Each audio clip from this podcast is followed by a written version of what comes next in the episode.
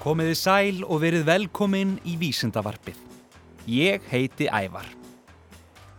Mér langar til að segja ykkur örstutasögu. Um daginn þá var ég að mæti vinninu mína hérna á Rúf og það var rigning úti og þess vegna þá var ég að flýta mér að komast inn.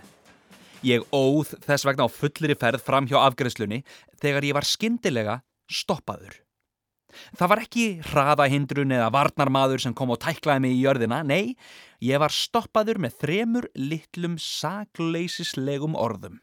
Þau voru, þú átt bref. Að sjálfsögðu var ég afar spenntur að fá bref. Það er að segja að þið veitir svona alvöru bref sem að getur opnað og haldið á, sett í vasan og óvart krumpað, þótt að tölvupóstar séu auðvitað ágætir líka.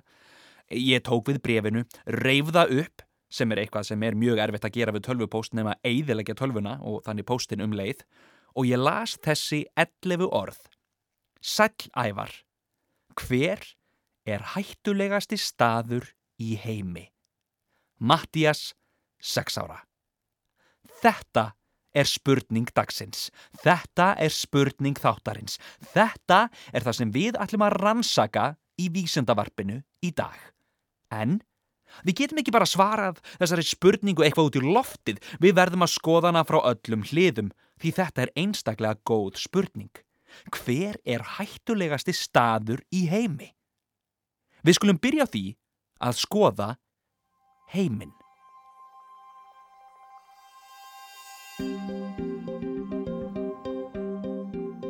Tölum smá um jörðina, heiminn okkar. Jörðina sem við öll fyrir utan gemverurnar sem eru að hlusta á þetta í gegnum gerfitungl, halló, búum á. Í fyrsta lagi, jörðin er nöttótt, svona nokkund veginn. Séð utan úr geimnum er jörðin fallegur bláleitur nöttur. Í mörg ár heldu allir að jörðin væri flöt eins og pönnukaka og maður geti silt fram af brúninni í gín hræðilegra ófreskja. En það er auðvitað ekki rétt. Það væri fáránlega svalt og myndi öruglega vera kveikjan að raunveruleika þættinum á istu nöf en nei, það er ekki rétt. Jörðin er nöttótt með vandræðalega fáum skrimslum. Jörðin myndaðist fyrir um fjórum og hálfum miljardi ára. Við vitum ekki nákvæmlega hvaða dag, kannski aðalega vegna þess í þá daga var ekkert tímatal, en árkvert 20. og 2. apríl er haldið upp á jarðardaginn, sérstakann umhverfisdag og því finnst mér við hæfi að halda upp á afmæli jarðarinnar þá. Og þá getum við öll sungið bara að hún er fjögur og hálf miljarda ára í dag, að kannski svolítið erfitt. Jörðin gengur á braut um sólina og ferðast á um 107.000 km hraða á klukkustund. Hún snýst eitt ringum sjálfa sig á um það byrj 24 klukkustundum og þess vegna er eitt sólarhingur 24 tímar. En býðum aðeins við ferðast jörðin á 107.000 km hraða á klukkustund. Það er rosalegur hraði. Gætu þið trúa því að það sem þið sitið heima í stofu að þið séð á 107.000 km hraða nákvæmlega núna. En samt finnum við ekkit fyrir því. Akkur allir það sé?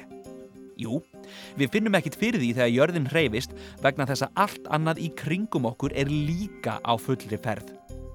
Það má líka þessu við tilfinninguna þegar maður situr í bíl eða flýgur í flugvél.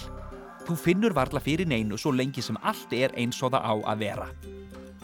Í eldgamla daga horðu menn upp í himinin og sáu stjörnurnar, sólina og tunglið sem virtust öll hreyfast í kringum jörðina. Og vegna þess að enginn fann jörðin að hreyfast þá komust þeirra þeirri niðurstöðu að jörðin væri miðja alls og allt hreyfðist í kringum hana. Að maðurinn væri nafli alheimsins. Þetta er hugsunarháttur sem einkennir okkur mannkynnið reglulega. En í dag vitum við hins vegar betur. Jörðin er bara pínu lítill partur af alheimi sem er svo stór að við getum ekki einu sinni ímyndað okkur hann. Tunglið gengur vissulega á sporbögu kringum jörðu en við, við snúumst í kringum sólina. Gott og vel. Við höfum skoðað heiminn, svona örlítið. Spurningin var hver er hættulegasti staður í heimi? Þá er um að gera að skoða hvað er hættulegt.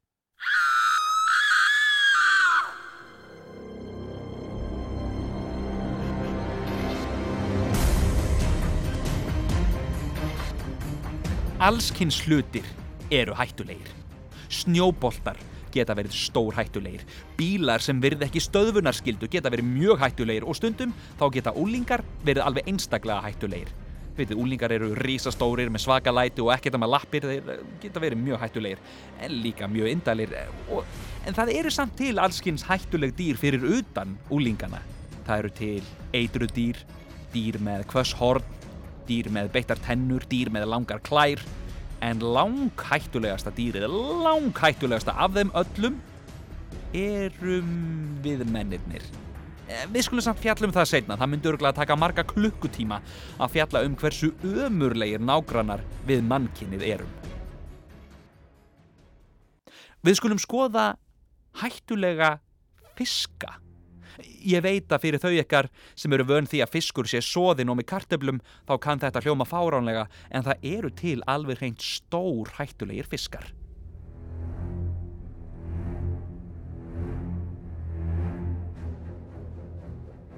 Það er ein tegund sem kemur fyrst upp í hugan hjá flestum þegar talað er um hættulega fiska. Hákallinn. Nú veit ég að einhverju hlusta stundum á þessa þætti í baði en engar áhyggjur, það er ekki hákall að fara að synda út úr útvarpinu eða tölvunuðinni og geta þig, engar áhyggjur. En að því sögðu ef að það gerist að þá ber ég enga ábyrð á því og ráðuleg þér að koma þér upp úr hið snarasta. En hvað vitum við um hákalla? Annað en það að stundum narta þér í fólk, að þeir eru með svakalega stóran munn og að stundum er hægt að fá sér hákallalýsi í töfluformi. Við skulum kíkja á vísindavefin. Þar segir Það er hægt að finna hákarla víða í heimshöfunum en það er útbreðsla þeirra allt frá hlýjum sjónum við miðbaug, norður í heimskautshaf og söður í söður höf.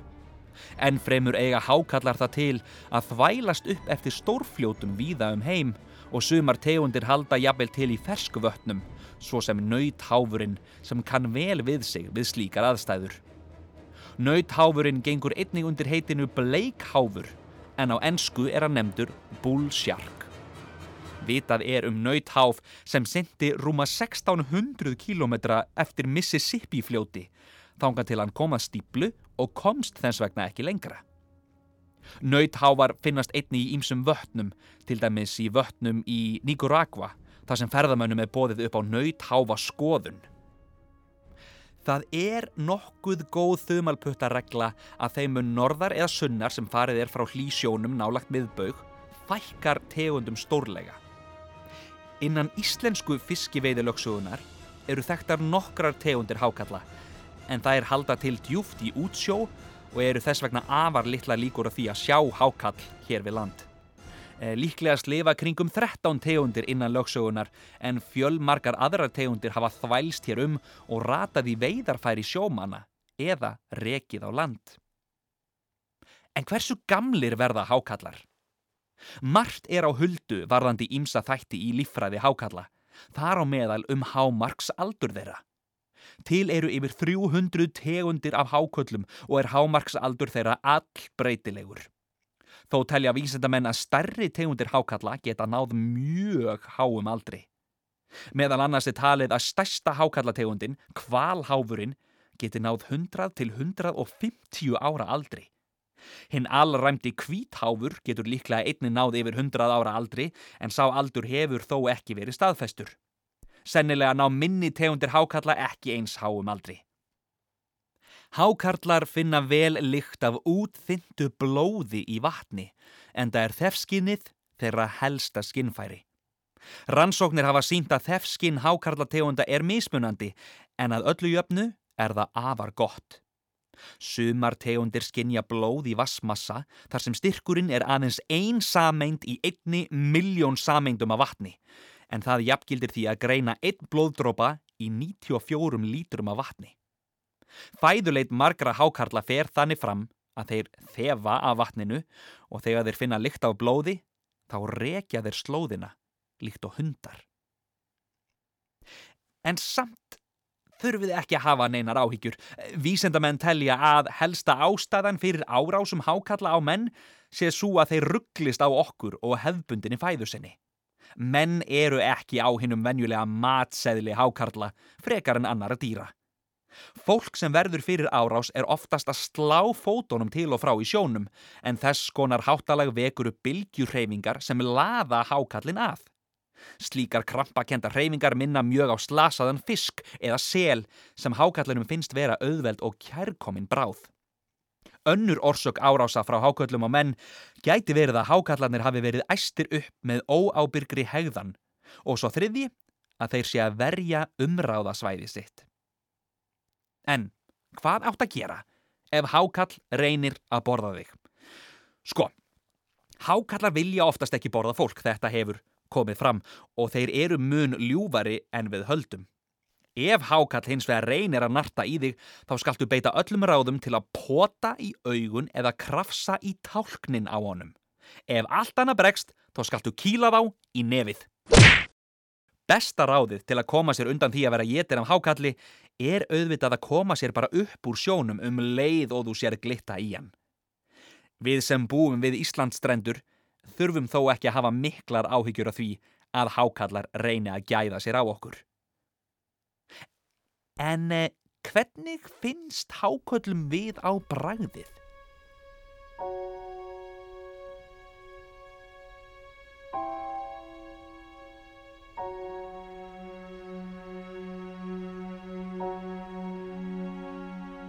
Hákallar eru margir hverjir tækifæri sinnar í fæðuvali.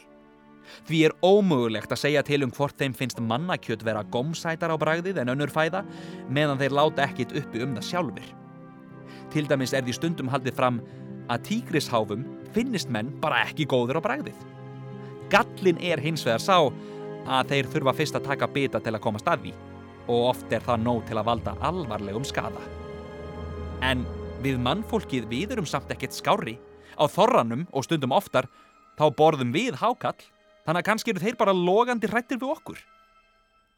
Fyrir hverja mannesku sem deyr af völdum hákalla eru tvær miljónir hákalla drefnar. Það er svakalegt.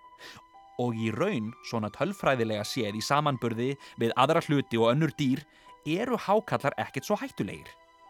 Hér eru nokkra staðirindir um hákalla frá National Geographic.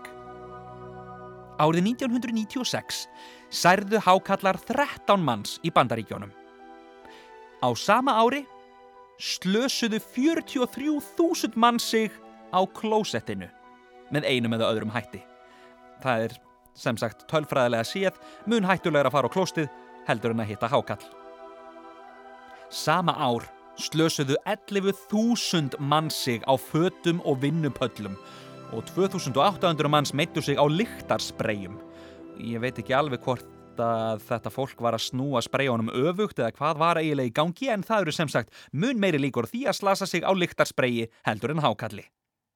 Í bandaríkjónum er sömuleiðis líklegra að þú verðir fyrir eldingu en að þú lendir í því að hákall narti í þig. Nánast tvísar sinu meiri líkur. Aðeins um 5-6 mann stegjað meðatali á ári vegna hákalla árása á meðan flóðhestar drepa 400. Einn helsta ástæða þessara tíðu döðsfalla er talið meira svo að fiskimenn hætti sér of nálagt flóðhesta hjörðum með báta sína. Karldýrin eru mjög árásagjöfn og þóla illa umgang nálagt hjörðsinni. Þá má líka velta þeirri staðrind fyrir sér að aðeins um 5-6 mann stegja að meðatala á ári vegna hákalla árása á sama tíma og miljónir manna degja á hverju ári um heim allan úr hungri.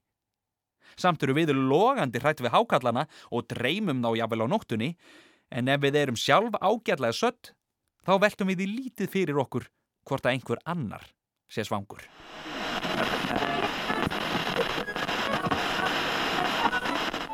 En aftur að spurningu dagsins. Hver er hættulegasti staður í heimi? Nú höfum við skoða jörðina Við höfum skoðað hættuleg dýr og þá sérstaklega hákalla því mér finnst þeir einstaklega spennandi. En hver er hættulegasti staður í heimi og af hverju? Hvers vegna? Ég leitaði og leitaði og leitaði að hættulegum hlutum og, og hættulegum stöðum og rakst þar meðal annars á þessa staðrind. Hættulegasti ostur í heimi samkvæmt heimsmetabók Guinness er Kasu Marsu osturinn sem þykir víst lostæti á Sigilei á Ítalíu.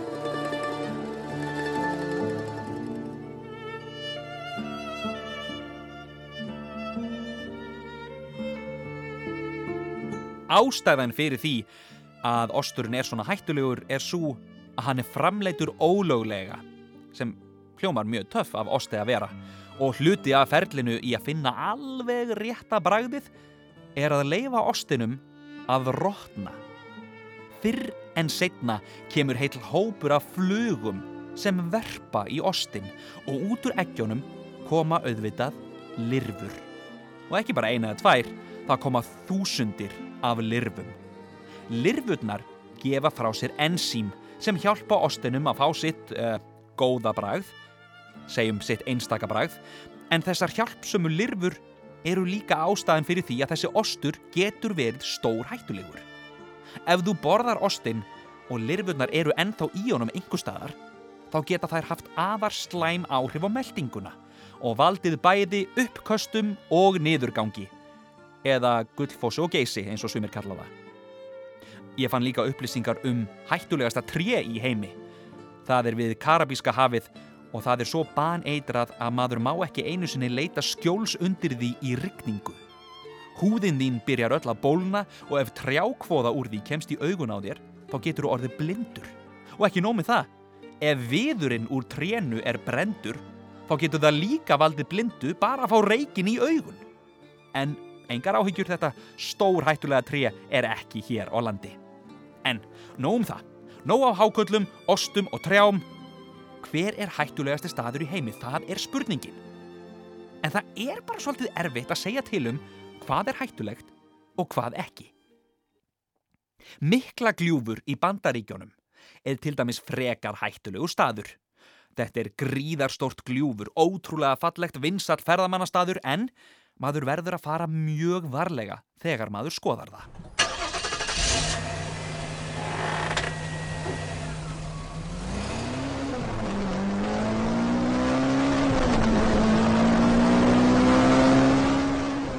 Ég fann sögu af 21 árs gamlum strák sem misti stjórn á bílnum sínum, kerði fram af brúninni, það er svakalega hátt niður og hann hefði örglega steindrepist ef að bílinans hefði ekki klest á tré á leiðinni niður, eftir rúmlega 60 metra fall. Maðurinn slasaðist lítilega og slapp með skrekkin sem betur fer, en þessi staður, mikla hljúfur, er fyrir flesta ekkit sérstaklega hættulegur. En fyrir þennan unga mann var hann mjög hættilegur. Hvers vegna? Vegna þess að hann var ekki að fylgjast með. Hann fór ekki varlega. Hvort að staður sé hættulegur eða ekki, það getur farið eftir því hvernig við högum okkur á staðunum. En svo líka annað sem getur spilað inn í. Fjölmarkar borgir eru hættulegar vegna þess að það er stríð og við getum bara rétt ímyndað okkur hvað það er hræðilagt að búa á þannig stöðum. Og stundum er það ekki bara borgir, stundum eru heilu löndin stór hættuleg vegna þess að við mannfólkið við eigum svo erfitt með að láta okkur linda hvort við annað. Vissulega eru til frumskóar fullir af stór hættulegum dýrum og eigðimerkur þar sem kviksvindir leynast á ótrúlegustu stöðum, en oftar en ekki þá stjórnum við menninni því hvort að staður sé hættulegur eða ekki. Og þess vegna vil ég stingum á því að við reynum að vera eins góð hvort við annað og við mögulega getum. Mattias, takk fyrir frábara spurningu. Þættinum er lokið. Ég vil þakka Vísendavef Háskóla Íslands, vísendavefur.is og um leið minna á heimasíðu þáttarins rúf.is skástrygg ævar. Ef þið farið þangað inn þá getið þið hlustað á öll gömlu vísendavörpin hlusta á þennan þátt aftur og meira segja hlaðið öllum þáttunum niður þannig að þið getur hlustað á þá hvar og hvenar sem er. Og þá vil ég auðvitað minna líka á krakkarúf sem finna má á krakkarúf.is. Þetta er ævar vísendamadur, yfir og út.